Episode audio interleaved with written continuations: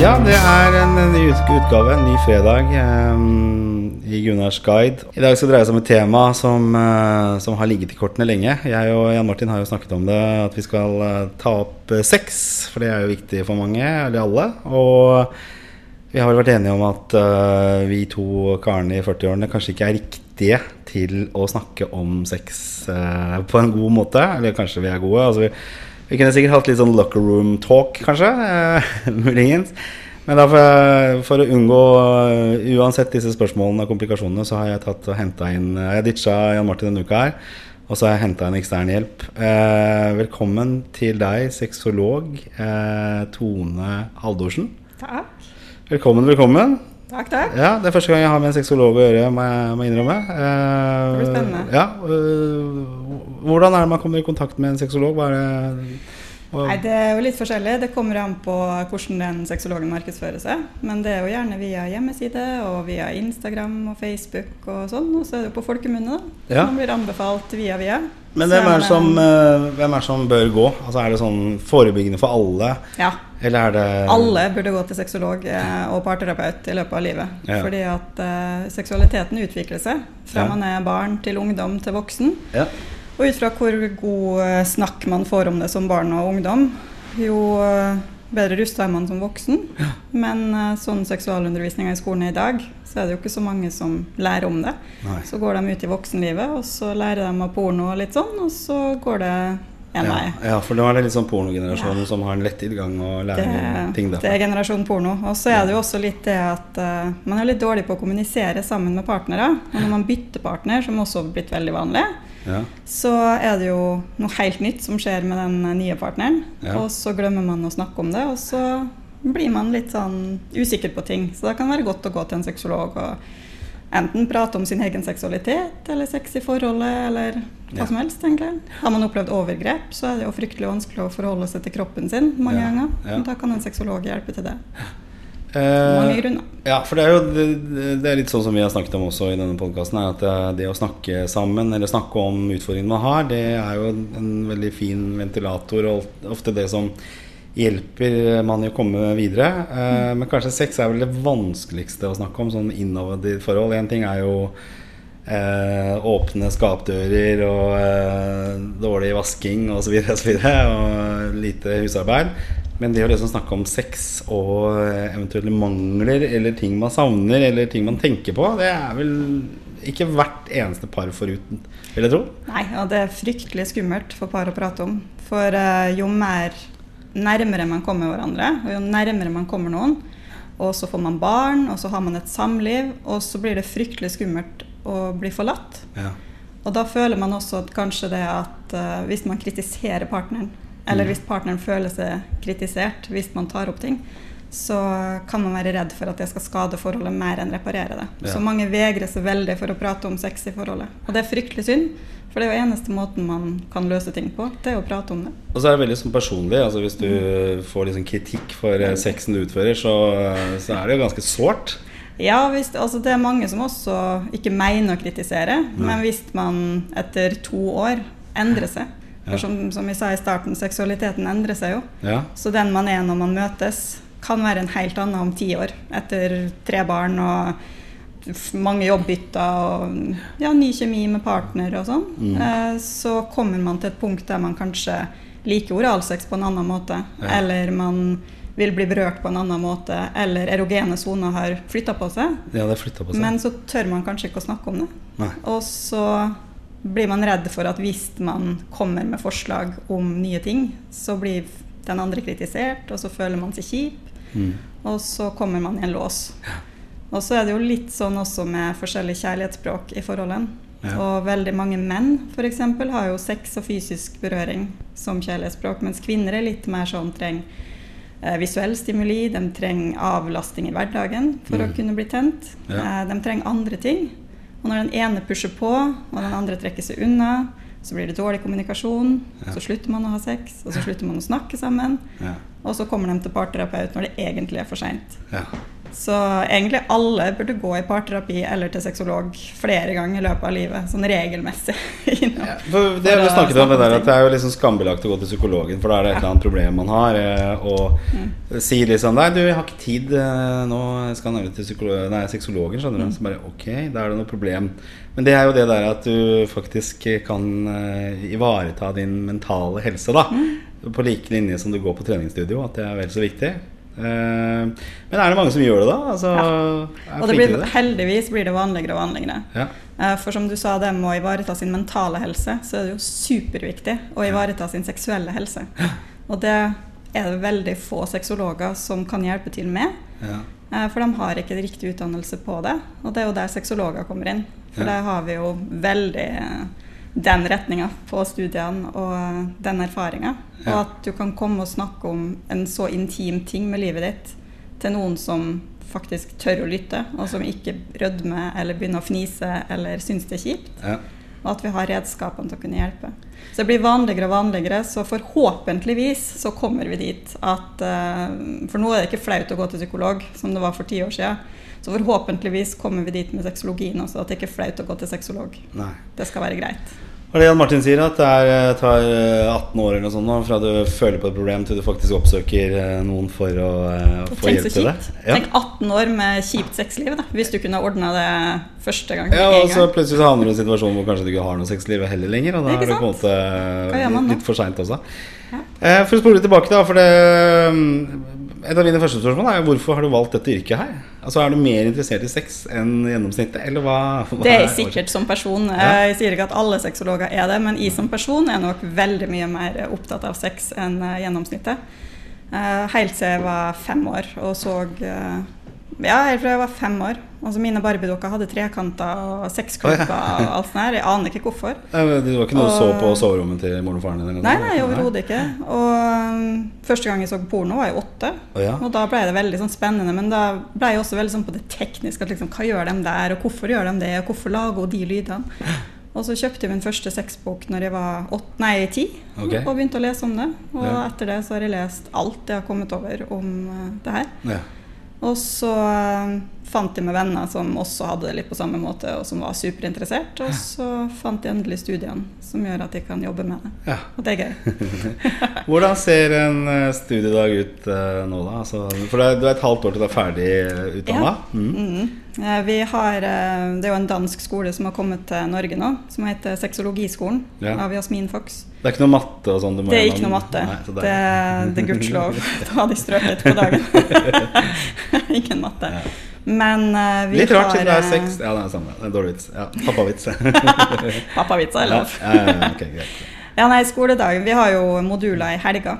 Ja. Uh, så da har vi her, noen helger i Norge, og så har vi noen helger i Danmark. Da er det fra fredag til søndag.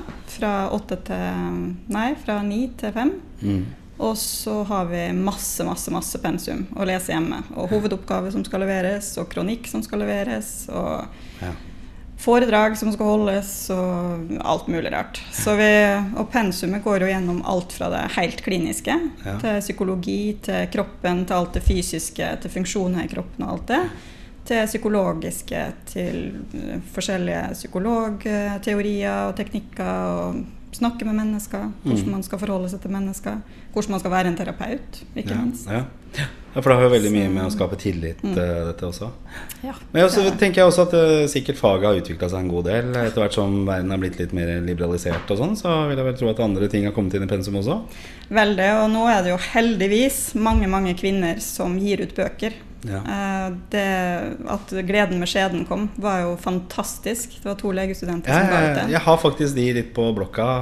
Ikke sant? Det, det veldig, veldig bra. Ja, Suverent. Og så har du Femihelse, som ga ut bok. Og det, for kvinnekroppen er jo det som er nesten minst forska på. Kvinnelig seksualitet og alt er jo nesten minst forska på, men nå kommer det mer og mer. Og heldigvis kommer det ut norske bøker om det her, som er oppdaterte, og som har den nyeste informasjonen. Og de går rett inn i pensum. Men når var liksom den generelle mannen plutselig opptatt av den kvinnelige orgasmen? For jeg tenker meg liksom på 30-40-tallet så var kanskje ikke det så viktig, eller man visste ikke om det. Eller hvordan, hvordan har den siden utviklet seg, når du snakker om det med kvinner og Ja, Gudskjelov utvikla seg mye Ja. siden 40-tallet. Ja. For, uh, For den mannlige orgasmen den har jo vært i alle tider, ellers hadde vi ikke hatt mennesker på jorda. Men, uh, Ja, men kvinnens orgasme har liksom aldri betydd noe. Tror du Altså, kvinner hadde orgasme i steinalderen, f.eks.? Altså, Ja, ja. Uten tvil. Du tror det? Ja. Vi, har, jo- vi er jo i stand til å få orgasme ved sex, men eh, problemet er jo det at på 1800-tallet så skulle ikke kvinner vise nytelse under sex. Nei. Hvis kvinner viste nytelse, så var hun promiskiøs og eh, ble betegna som prostituert. Og mest sannsynlig så betydde det at hun hadde sex med flere, hvis hun likte sex. Aha. Man skulle ikke vise at man likte sex, og det har holdt seg egentlig ganske langt eh, over 1900-tallet òg, altså. Mm. Men heldigvis så har det endra seg. Så flere og flere menn er interessert i kvinnens orgasme og hvordan man skal komme. Men dessverre er det jo sånn at mange menn tror at inn og ut er veien til kvinnens nytelse. For den er jo veldig ikke veien til kvinnens nytelse, egentlig. Den inn og ut. Det er vel dårligste måten å gi en kvinne orgasme på, er penetrering. Men har kvinner egentlig noe utbytte av den inn og ut-greiene? Det har vi, i aller høyeste grad. Men vi har jo ikke så mange nerver, for vi skal jo overleve barnefødsel. Ja. Så det er jo ikke der de fleste av våre nerver sitter, det er jo klitoris. ja, det er jo helt logisk. Så- ja. Men vi, vi- det er jo det er å bli fylt ut, og, og man merker jo den penetreringa godt. Men selv om det er deilig, betyr det ikke at det nødvendigvis fører til orgasme. Nei. Så det er bare 20% av kvinner, vises det, som har orgasmeutbytte av inn og ut uten annen type stimulering på f.eks. klitoris. Ja. For det, når jeg fant den, så revolusjonerte det mitt eget sexliv. Eller de partnerne jeg var sammen med. da Ja. Mm. det, og Men det tok en, en stund. For det, fra pornografien f.eks. så hadde jeg ingen ingen referansepunkter der i det hele tatt. Man lærer jo ingenting om det på skolen, så hvordan skal man lære det som voksen? Og i hvert fall når kvinnen ikke sier fra sjøl. Ja, Så da har jo ingen plass å lære det hvis du ikke interesserer deg veldig for det og oppsøker det sjøl. Ja, Men det er faktisk et Så- godt poeng, for den ble jeg anvist på et tidspunkt. At uh, det er sånn må du konsentrere deg litt, for det er der det skjer.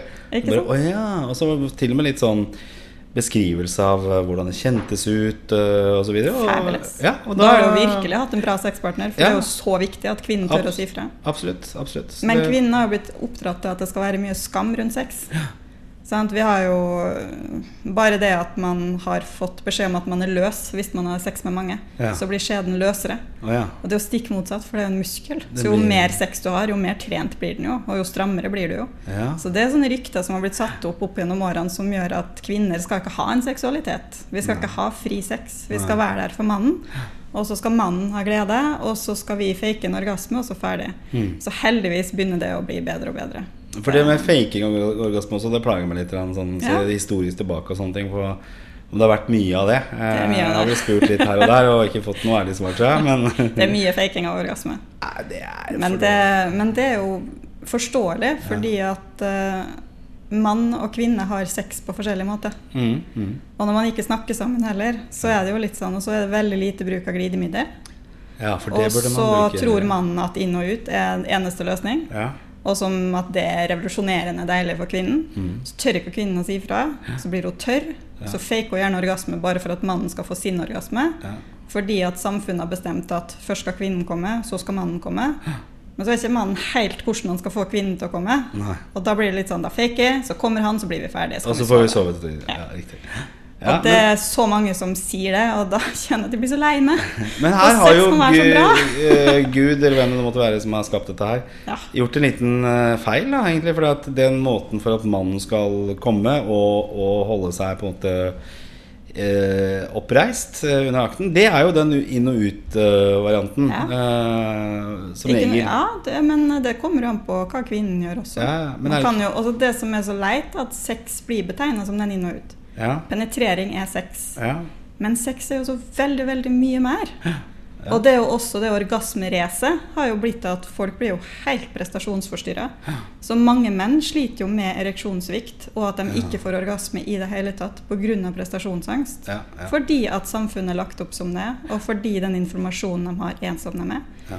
Så hvis folk hadde droppa å tenke på orgasme Mm. at all, altså at orgasme skal ikke være målet med sex, men heller en bonus, Mm. og heller fokusere på å nyte hverandre og nyte sexakten med hele kroppen, så hadde det vært så mye bedre for alle. Ja, jeg er det. Så, For det er jo så de- det er jo ikke sex som er inn og ut også en orgasme. Det er jo alltid rundt også. Og den er jo veldig kortvarig Eller kortvarig. Ja. Feil trykk på stavelse. Det Eh, er biologi, vet du. Ja, men den er veldig Det er kortvarig også. så. Jeg vet Gud har ikke noe med det, men biologien er fucka opp. Ja, det kan godt Ja, det, ja. Men det er jo sånn at Fordi at en mannlig orgasme er jo veldig sånn Det er et nys, og så er du på en måte ferdig, litt Mm. ferdig med det. Eh, og jeg antar at kvinneorgasmen kanskje er litt annerledes, for den Veldig. sies at den bygger seg mer opp, og den har flere fasetter fram til liksom klimakset. da Ja. Så dere får, får kanskje enda mer utbytte av det enn det eh, mannen gjør, kanskje? Altså, uten Ja. at vi har mulighet til å sammenligne det, men det er jo Det er det, altså. Og mannen kan jo trenes opp med bekkenbunnstrening Ja. og læres å holde igjen en orgasme. ja, Og da blir orgasmen kraftigere når man først kommer. ja. Og lærer mannen så å holde igjen en orgasme også, så kan han holde på lengre og ha større nytelse av det. Og da kan man også få kraftigere orgasmer som varer lengre. ja. Hvis, man, hvis menn også tør å prøve analstimuli, Ja. som veldig mange menn sier at nei, det er homo. ja. Det er feil. Ja. Hvis de hadde turt det, så hadde også orgasmen vart lengre. Men kvinnen er jo bygd opp sånn at vi, som du sier, da, det er jo lengre tid før vi blir tent. Det tar lengre tid før vi når toppen, og så kan en orgasme vare mange minutter. Ja. Vi kan liksom holde oss på orgasmetoppen lenge Shit, før den begynner å stige, og det har ikke veldig mange menn tid til. Nei. Og så skjønner de ikke at det tar så lang tid. Men er det bare klitoris da som man må stimulere? Altså For tips til mannen, da? Er det der du skal liksom konsentrere deg? For liksom De fleste kvinner får jo størst utbytte av klitoris. Ja. Men eh, hvis man dropper å tenke forspill, og heller Ja. tenker at alt det som man kaller forspill, og sex og penetrering og berøring og alt det der er en sexøkt, mm. så tar det mye lengre tid, og da blir kvinnen bygd opp etter hvert. Ja. Så det er ikke nødvendigvis at man skal fokusere all sin energi på klitoris, men bruk tid på å finne ut hvor er det nytelse fester seg på kroppen hennes. Noen kvinner kan komme kun av stimuli på brystvorta, f.eks. Ja. Ja. Så klitoris er jo den raskeste veien, Mm. men vi kan jo få mange andre typer orgasmer også. Kroppsorgasme f.eks., som Ja. kan vare og vare. Oi. Men det kommer an på mannen og hva man er vant til, og hva man får til. Men er det, sånn, er, det, er det riktig å si at man, man må være flink til å liksom bruke litt tid? Mm. eh, rett og slett, på Tid dette? Ja. For når du ser på filmer, eh, ikke nødvendigvis pornografiske filmer, men liksom opp til veggen og på kjøkkenbenker, og hvor ting går veldig fort og sånn. Der kjenner jeg meg ikke igjen i det hele tatt. Det, det tenker jeg det er umulig. For det første så øh, Hvordan kan de få liksom ereksjon så fort? Uh, altså med en ja, det Altså Er man veldig tent, så Ja, får man jo fort, ereksjon så fort. Men uh, å ta en to minutter på kjøkkenbenken kan nok uh, være bra innimellom. Ja. Men det er ikke det som anbefales hvis man skal få maks ut av å ha sex. Nei. Da må man ha god tid, man må være i, i humør til det, rett og slett. Man må være i en sinnsstemning som gjør at man vil ha sex, Ja. og vil ta seg tid. Men det kan være med skape også gjennom å bruke litt tid. da Altså At at ting tar litt tid før tenningsnivået er der.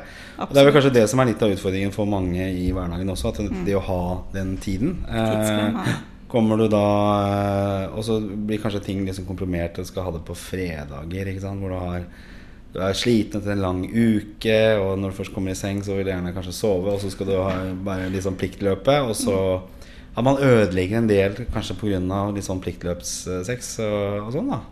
Og det er jo der eh, den kommunikasjonen mellom mann og kvinne er. For mannen kan bli veldig fort tent. Ja.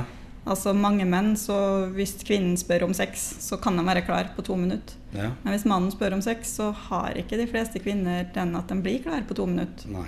Fordi at vi tenker på at å, der ligger det en klesvask, og så må vi rydde kjøkkenet først. Mm. Så må ungene pusse tennene først, og så skal ungene sove. Og så er man utslitt etter en lang dag, Ja. og så er man ikke helt der. Så det, når jeg får par i parterapi, så pleier jeg å rådgi dem til å prøve å se på arbeidsoppgavene hjemme. Mm. Hvordan er arbeidsoppgavene fordelt? Mm. Hva er det den ene gjør mer enn den andre? Hva er det mannen kan bidra med for at kvinnen skal få mer lyst, da, få mer overskudd? Ja. Eh, og så er det bare det å opprettholde hverdagsromantikken. Gi hverandre en lang klem i ny og ne. Eh, stryke på hverandre når man passerer hverandre i gangen. Altså ja. vær litt på. Ikke bare den sexen, og ikke, ikke tenk at all kroppskontakt og fysisk berøring skal lede til sex. Nei. Så sende litt meldinger i sånn aubergine i løpet av dagen. Og, Send et hjerte.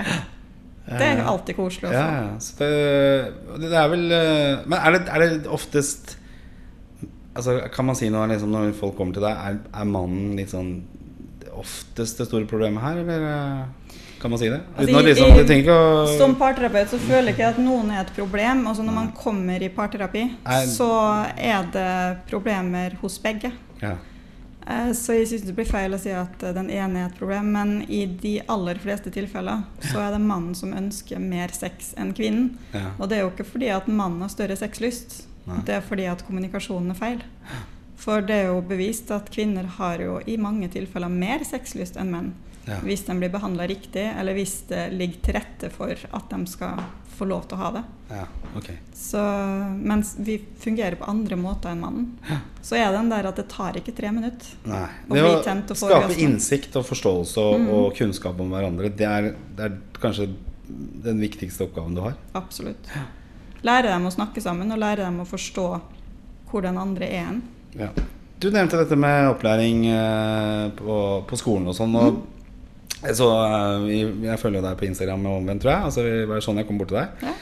Eh, og så hadde du lagt ut en veldig sånn søt eh, oppdatering, tror jeg, når du hadde noe med, som hadde med noe oralsex å gjøre. Man, man liksom var redd for å bli gravid i Ja. halsen.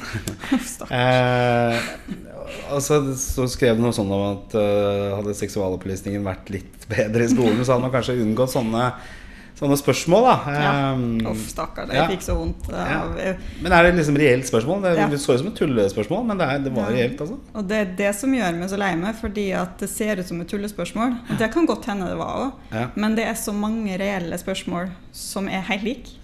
Og det er så trist. Så når du blir gravid når du setter deg på dosetet sånn, Ja, ja. for- det kommer fortsatt sånne spørsmål? Ja, ja. Og altså, jeg skriver hovedoppgave om seksualundervisning i skolen. Ja. For jeg mener at hvis man skal ha et bra sexliv som voksen, så må man lære om sex og samliv og kroppen og sånn fra barn. Barns alder. Man, må være, man må kunne Man trenger ikke å lære førsteklassinger om sex og barn og alt sånt her, men man skal lære om kropp og grenser sånn helt fra start, og så bygges opp. Ja, ja.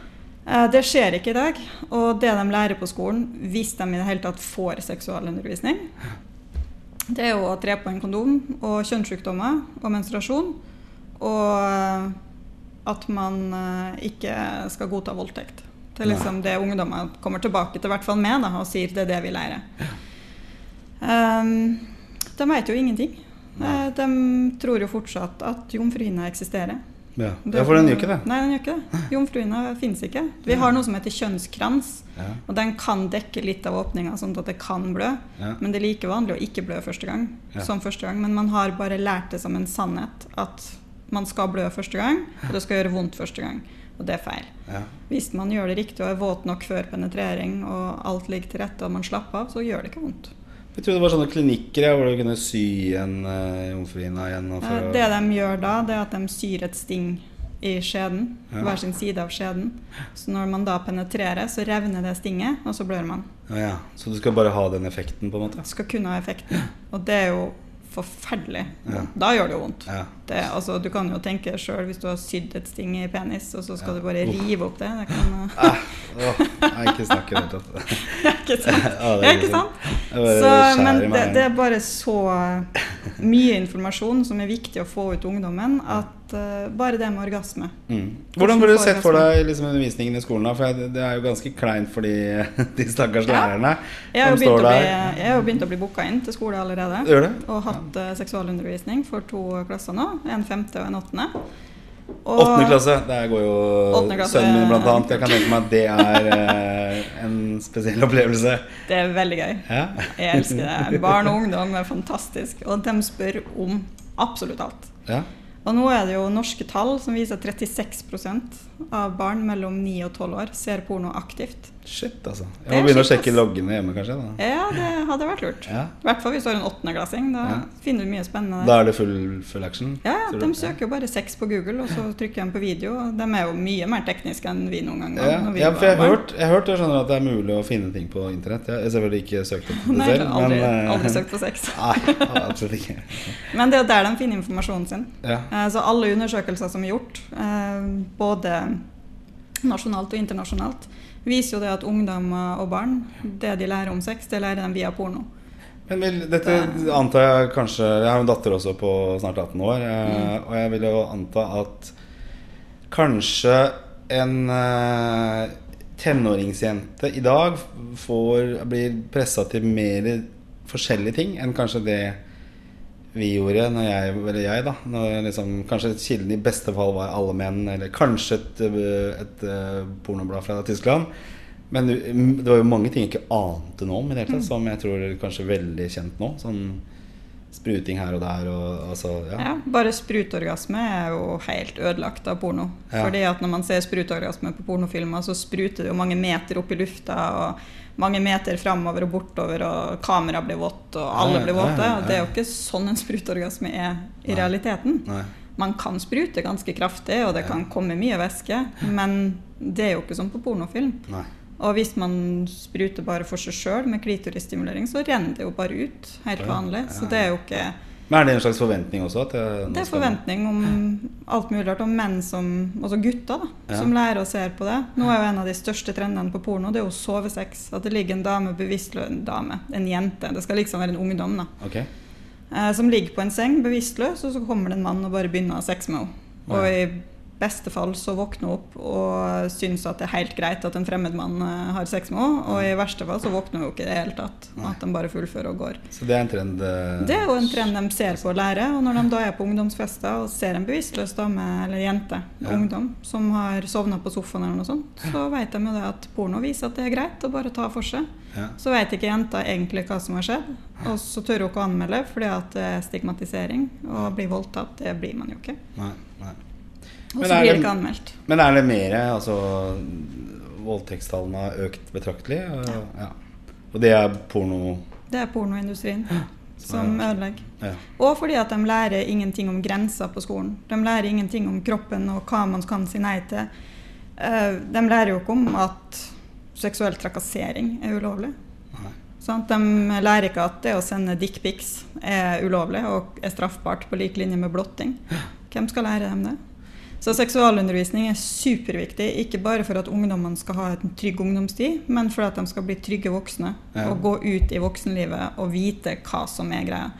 Og så spurte jeg en fyr en gang, det var en diskusjon på Instagram, eh, for jeg fikk et dickpic fra en Ja. på Instagram. Og så sendte jeg melding tilbake at eh, hva tror du at du skal oppnå med det? Altså, hva, jeg er nysgjerrig. Jeg er sexolog, så jeg spør om alt. Ja, ja. Så hva tror du at du skal oppnå med det? Nei, for hvis han sendte bilde av penisen sin, så ble jeg tent, og da fikk jeg kanskje lyst til å møte den. Så jeg bare Altså, det, jeg skjønner ikke Jeg skjønner Nei, ikke det. Jeg skjønner ikke hva som foregår. Da det, er mye folkeopplysning som må til. Altså. Det er mye folkeopplysning. som må til. hvor mange sunne forhold og sånne ting. Liksom spør eh, Barnet da spør ja, hvordan var det du og mamma eller pappa møttes. Nei, Det begynte med at pappa sendte et dickpic til meg. skjønner du Og da gøy. ble jeg kjempeglad. Og så møttes vi, og så kom, ble du Jeg var eh, skikkelig kåt når jeg så pappaen eh, sin penis, og så fikk jeg bare lyst Jeg måtte, måtte bare møte den. Ja, jeg, jeg Og jo, du. må jo innrømme at i en uh, litt pressa situasjon en gang, så forsøkte jeg meg på å, å ta et sånt bilde selv. Ja, gikk det bra? Eh, nei. Jeg syns det var utrolig vanskelig å lyssette, blant annet.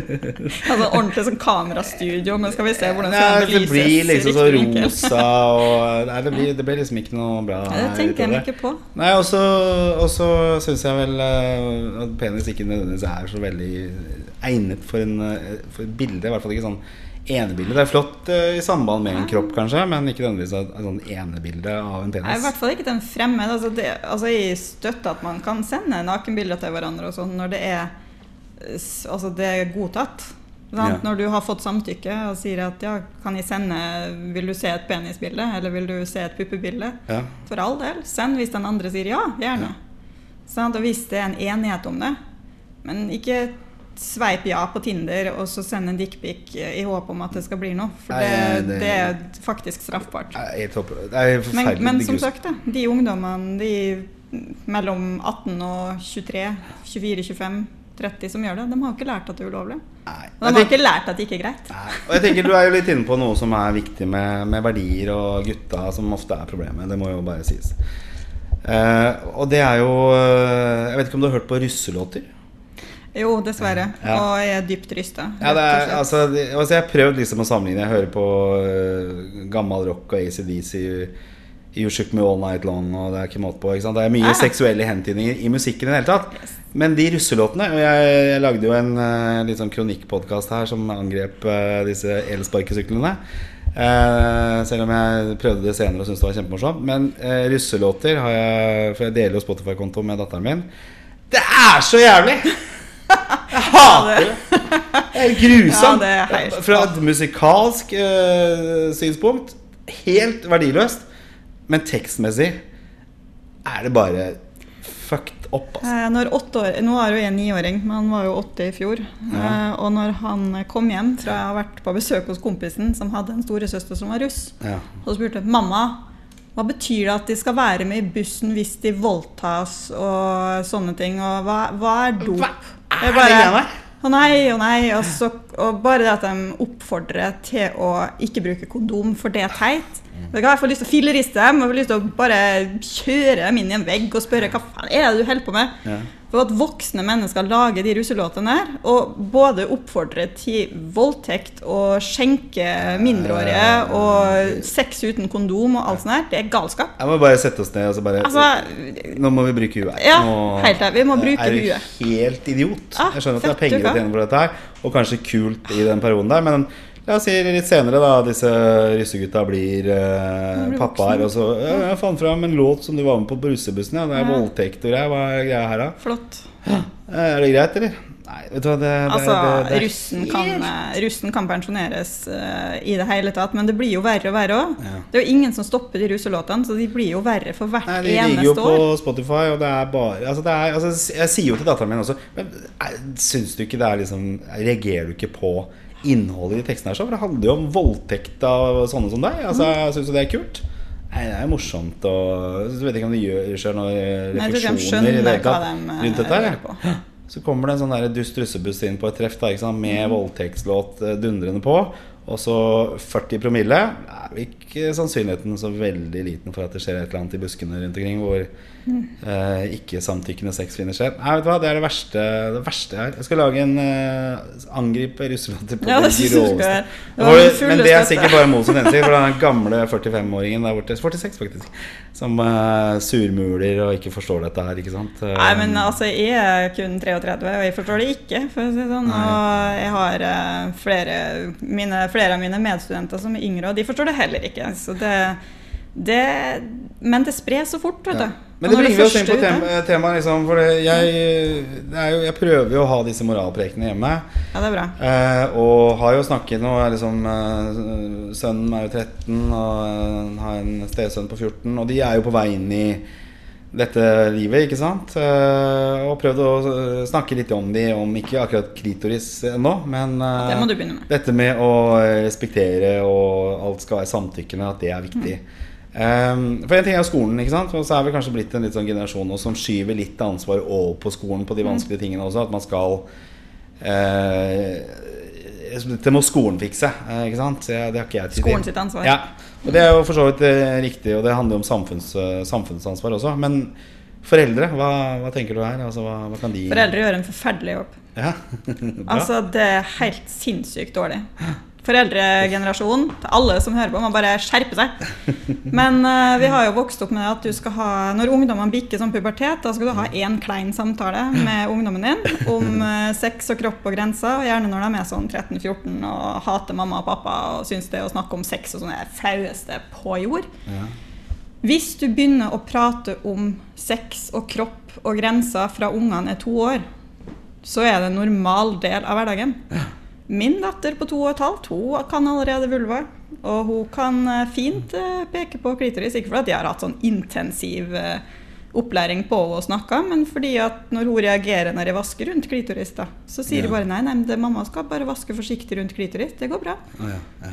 Det er alt som skal til. Ja. Og når guttungen står på kjøkkenet og smører matpakke og sier plutselig helt ut av det blå 'Mamma, hva heter det hvis to menn er kjærester?' Mm. Så svarer jeg helt enkelt at nei, da kalles det at de er homofile. Ja. Eller man kan også si skeiv. Ja. Og på samme måte som to damer er sammen. Å ja. Og så fortsatte han med sitt. Ja. Og likevel når han eh, kom og var et eller annet han hadde opplevd på skolen. ja. Det var noen gutter som hadde blotta seg på toalettet. Ja. Uh, og han bare 'Mamma.'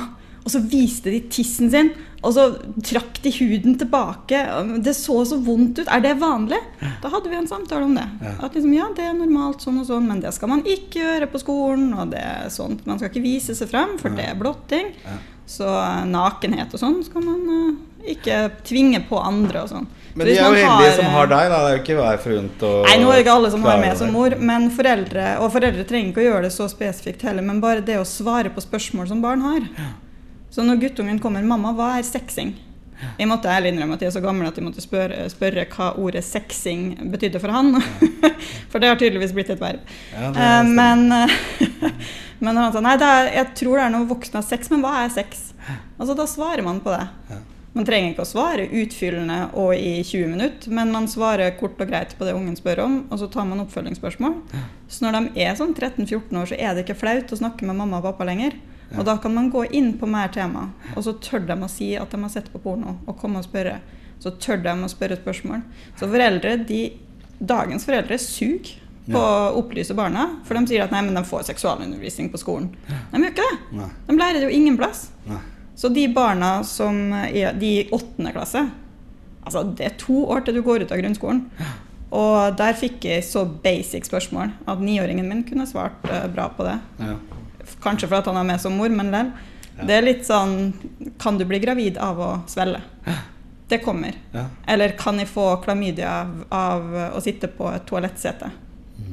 Sant? Jeg blir jeg gravid hvis jeg har eh, sex i rumpa? Det er sånne som kommer hele tida, og som åttendeklassing du vite hvordan man lager barn. Ja. Med Det er jo ikke noen dumme spørsmål som man får, men det er noen spørsmål du tenker som sexolog da, at her burde du ha lært for noen år siden. Ja, for det er, det er greit barn å liksom avklare basic. disse tingene. Altså, det er, veldig sånn der, det er jo et, fortsatt et tabu og vanskelig emne. Men vi er jo alle konsekvens av, eh, av sex. Det var litt morsomt det der med sexing. For det, min eks, uh, som jeg har barn med, hun, uh, hun ble jo konfrontert av en venninne av datteren min. Så spurte hun dette med sexing, da. Så spurte jeg har du drevet med sexing. Og så sier hun ja, ja vel det. Og så sier den der eh, venninna da at ja, du har i hvert fall gjort det to ganger. Ja, hvorfor det? Ja, for du har jo to barn. Så hun hadde jo tydeligvis skjønt det. Ja, min sønn fikk sjokk han, eh, når han spurte mamma har du sexa eh, mer enn to ganger. For jeg har jo to barn. Så jeg bare, har du sexa mer enn to ganger? Ja. Jeg bare ja, jeg har det. Hvorfor det? Ja. Nei, det er deilig å sexe. Altså, når du har en kjæreste eller du finner en du har lyst til å sexe sammen med når du er lovlig, Ja. når det er lov, Ja. når du er blitt voksen, da er det deilig å sexe. Ja. Det er voksne for at det skal være godt, ikke bare for å få barn. Ja. Ja. Og så gikk han videre med det. Det var litt sånn æsj, og så gikk han videre med livet sitt. Og da, har han, da vet han det. Men vi har jo en eh, viss forutsetning tenker jeg, for å være litt mer åpen om dette her enn eh, kanskje foregående generasjoner. fordi at vi, vi har jo litt uh, mer åpent forhold med, med barna våre generelt også. Jeg føler i hvert fall det at jeg har et eh, helt annet forhold til barna mine enn det min far hadde, f.eks. Og hatt noe seksuell eh, Nei, seksual samtale med han, det opplysning, det tror jeg hadde vært vanskelig. Så, så vi har jo på en måte forutsetninger for å, for, å, for å gjøre det. Så det er en oppfordring. Altså å være flinke. For det er jo der alt begynner. Det er jo der eh, dette med respekt for andre eh, Og det når du kommer inn i voksenlivet og du skal på en måte nyte denne Grensesetting. sexen her også. Altså det å liksom kunne være en, en ressurs for hverandre. For det er vel kanskje det, Mange begynner jo forhold fordi man ønsker å ha sex, men så er jo det det minst, siste man snakker om, egentlig. Eller det minste man setter på dagsorden. Eh, og det handler jo mye om å bygge et forhold videre. Mange forhold som kanskje eh, avsluttes pga. sex også. At det det er mis, eh, mismatch i forhold til sex. Og dette med at sex blir borte, og intimiteten blir borte. Eh, det begynner liksom med der, klare en gang i uka, så er det hver 14. dag. Ja, det er ålreit. Uh, ja, Kanskje nå har vi ikke hatt det på tre ja, en måned. Å ja, det er seks måneder siden sist, og så videre. Så man kanskje kan unngå sånne utfordringer også, hvis man er flinkere til å snakke om det. Og fortelle litt om hva man selv liker også. Eh, Men det føler man på. Altså jeg også, så 46 år. Det er alltid litt sånn vanskelig å liksom gi de rikt- rikt- riktige signalene si fra hva man egentlig liker, hva hva man ikke liker. Men så er det jo også det man læres opp til. Altså Man eh, snakker om det man læres opp til. Og lærer man at sex er flaut og tabu, og det skal ikke spørres om, så slutter man å spørre, og så slutter man å snakke om det, og så tar man med seg det videre. Ja. Eh, hvilke andre spørsmål er det som dukker opp da når du, når du har klientene dine? Altså, hva, hva, er det de, hva lurer de på? Er det spesielle ting eh, som er vanlig? Det er veldig veldig mye. Menn lurer veldig på ereksjonssvikt ja. og orgasmeproblemer. Ja. Eh, Likedan kvinner også har veldig mye der, men kvinner er litt sånn at fungerer det ikke, så trekker de litt på skuldrene og så tenker jeg ja, ja, da er det bare, bare sånn. Mm. Mens menn har litt større problemer med at det ikke fungerer. Ja. Eh, så prater vi om det. Ja.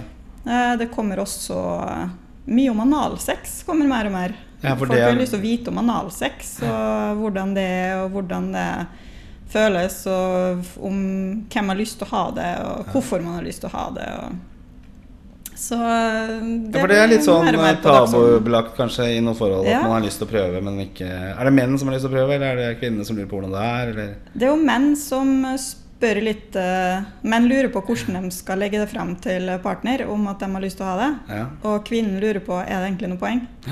Så, men er det noe kvinnen har noe utbytte av det hele tatt? Eller? Ja da. Vi har jo nerver i analåpninga og sånn, men uh, det er jo den følelsen å bli fylt ut. Ja. Og hvis man bruker leketøy vaginalt i tillegg, så treffer ja. man jo både G-punkt, og man kan beføle klitoris samtidig. Okay. Så det er jo en deilig følelse. Ja.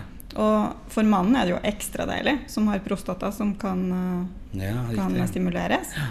Så flere menn burde tørre å prøve analstimulering. Altså. Det, hvis de hadde turt det, så hadde de eh, oppnådd eh, nye levels av nytelse. Det er det såpass? Ja, men så er det dessverre at analsex er lik homofilt. Ja. Og det er en sånn stygg myte som har blitt eh, danna. Ja. Og så tør de ikke. Så da hvis du så, nyter plutselig analstimulering, så tror man at man er blitt homofil? Ja. Det det det og det kunne jo ikke vært further from the truth. Så okay. det er mange spørsmål rundt det. Ja, ok. Så det er mye analt om dagen? Altså. Mm, mye analt. Ja, fordi, man, øh, fordi den ikke har vært så mye bruk, og, eller fordi man ønsker å gå litt videre, eller er det porno igjen? Eller hva? Det, det, jeg tror nok det er veldig mye porno igjen. Ja. Fordi at på porno så ser det så lett ut, og så ser det ut som at dama syns det er dritdigg, og så eh, kommer mannen og spør ja, men kjæresten syns det høres ekkelt ut.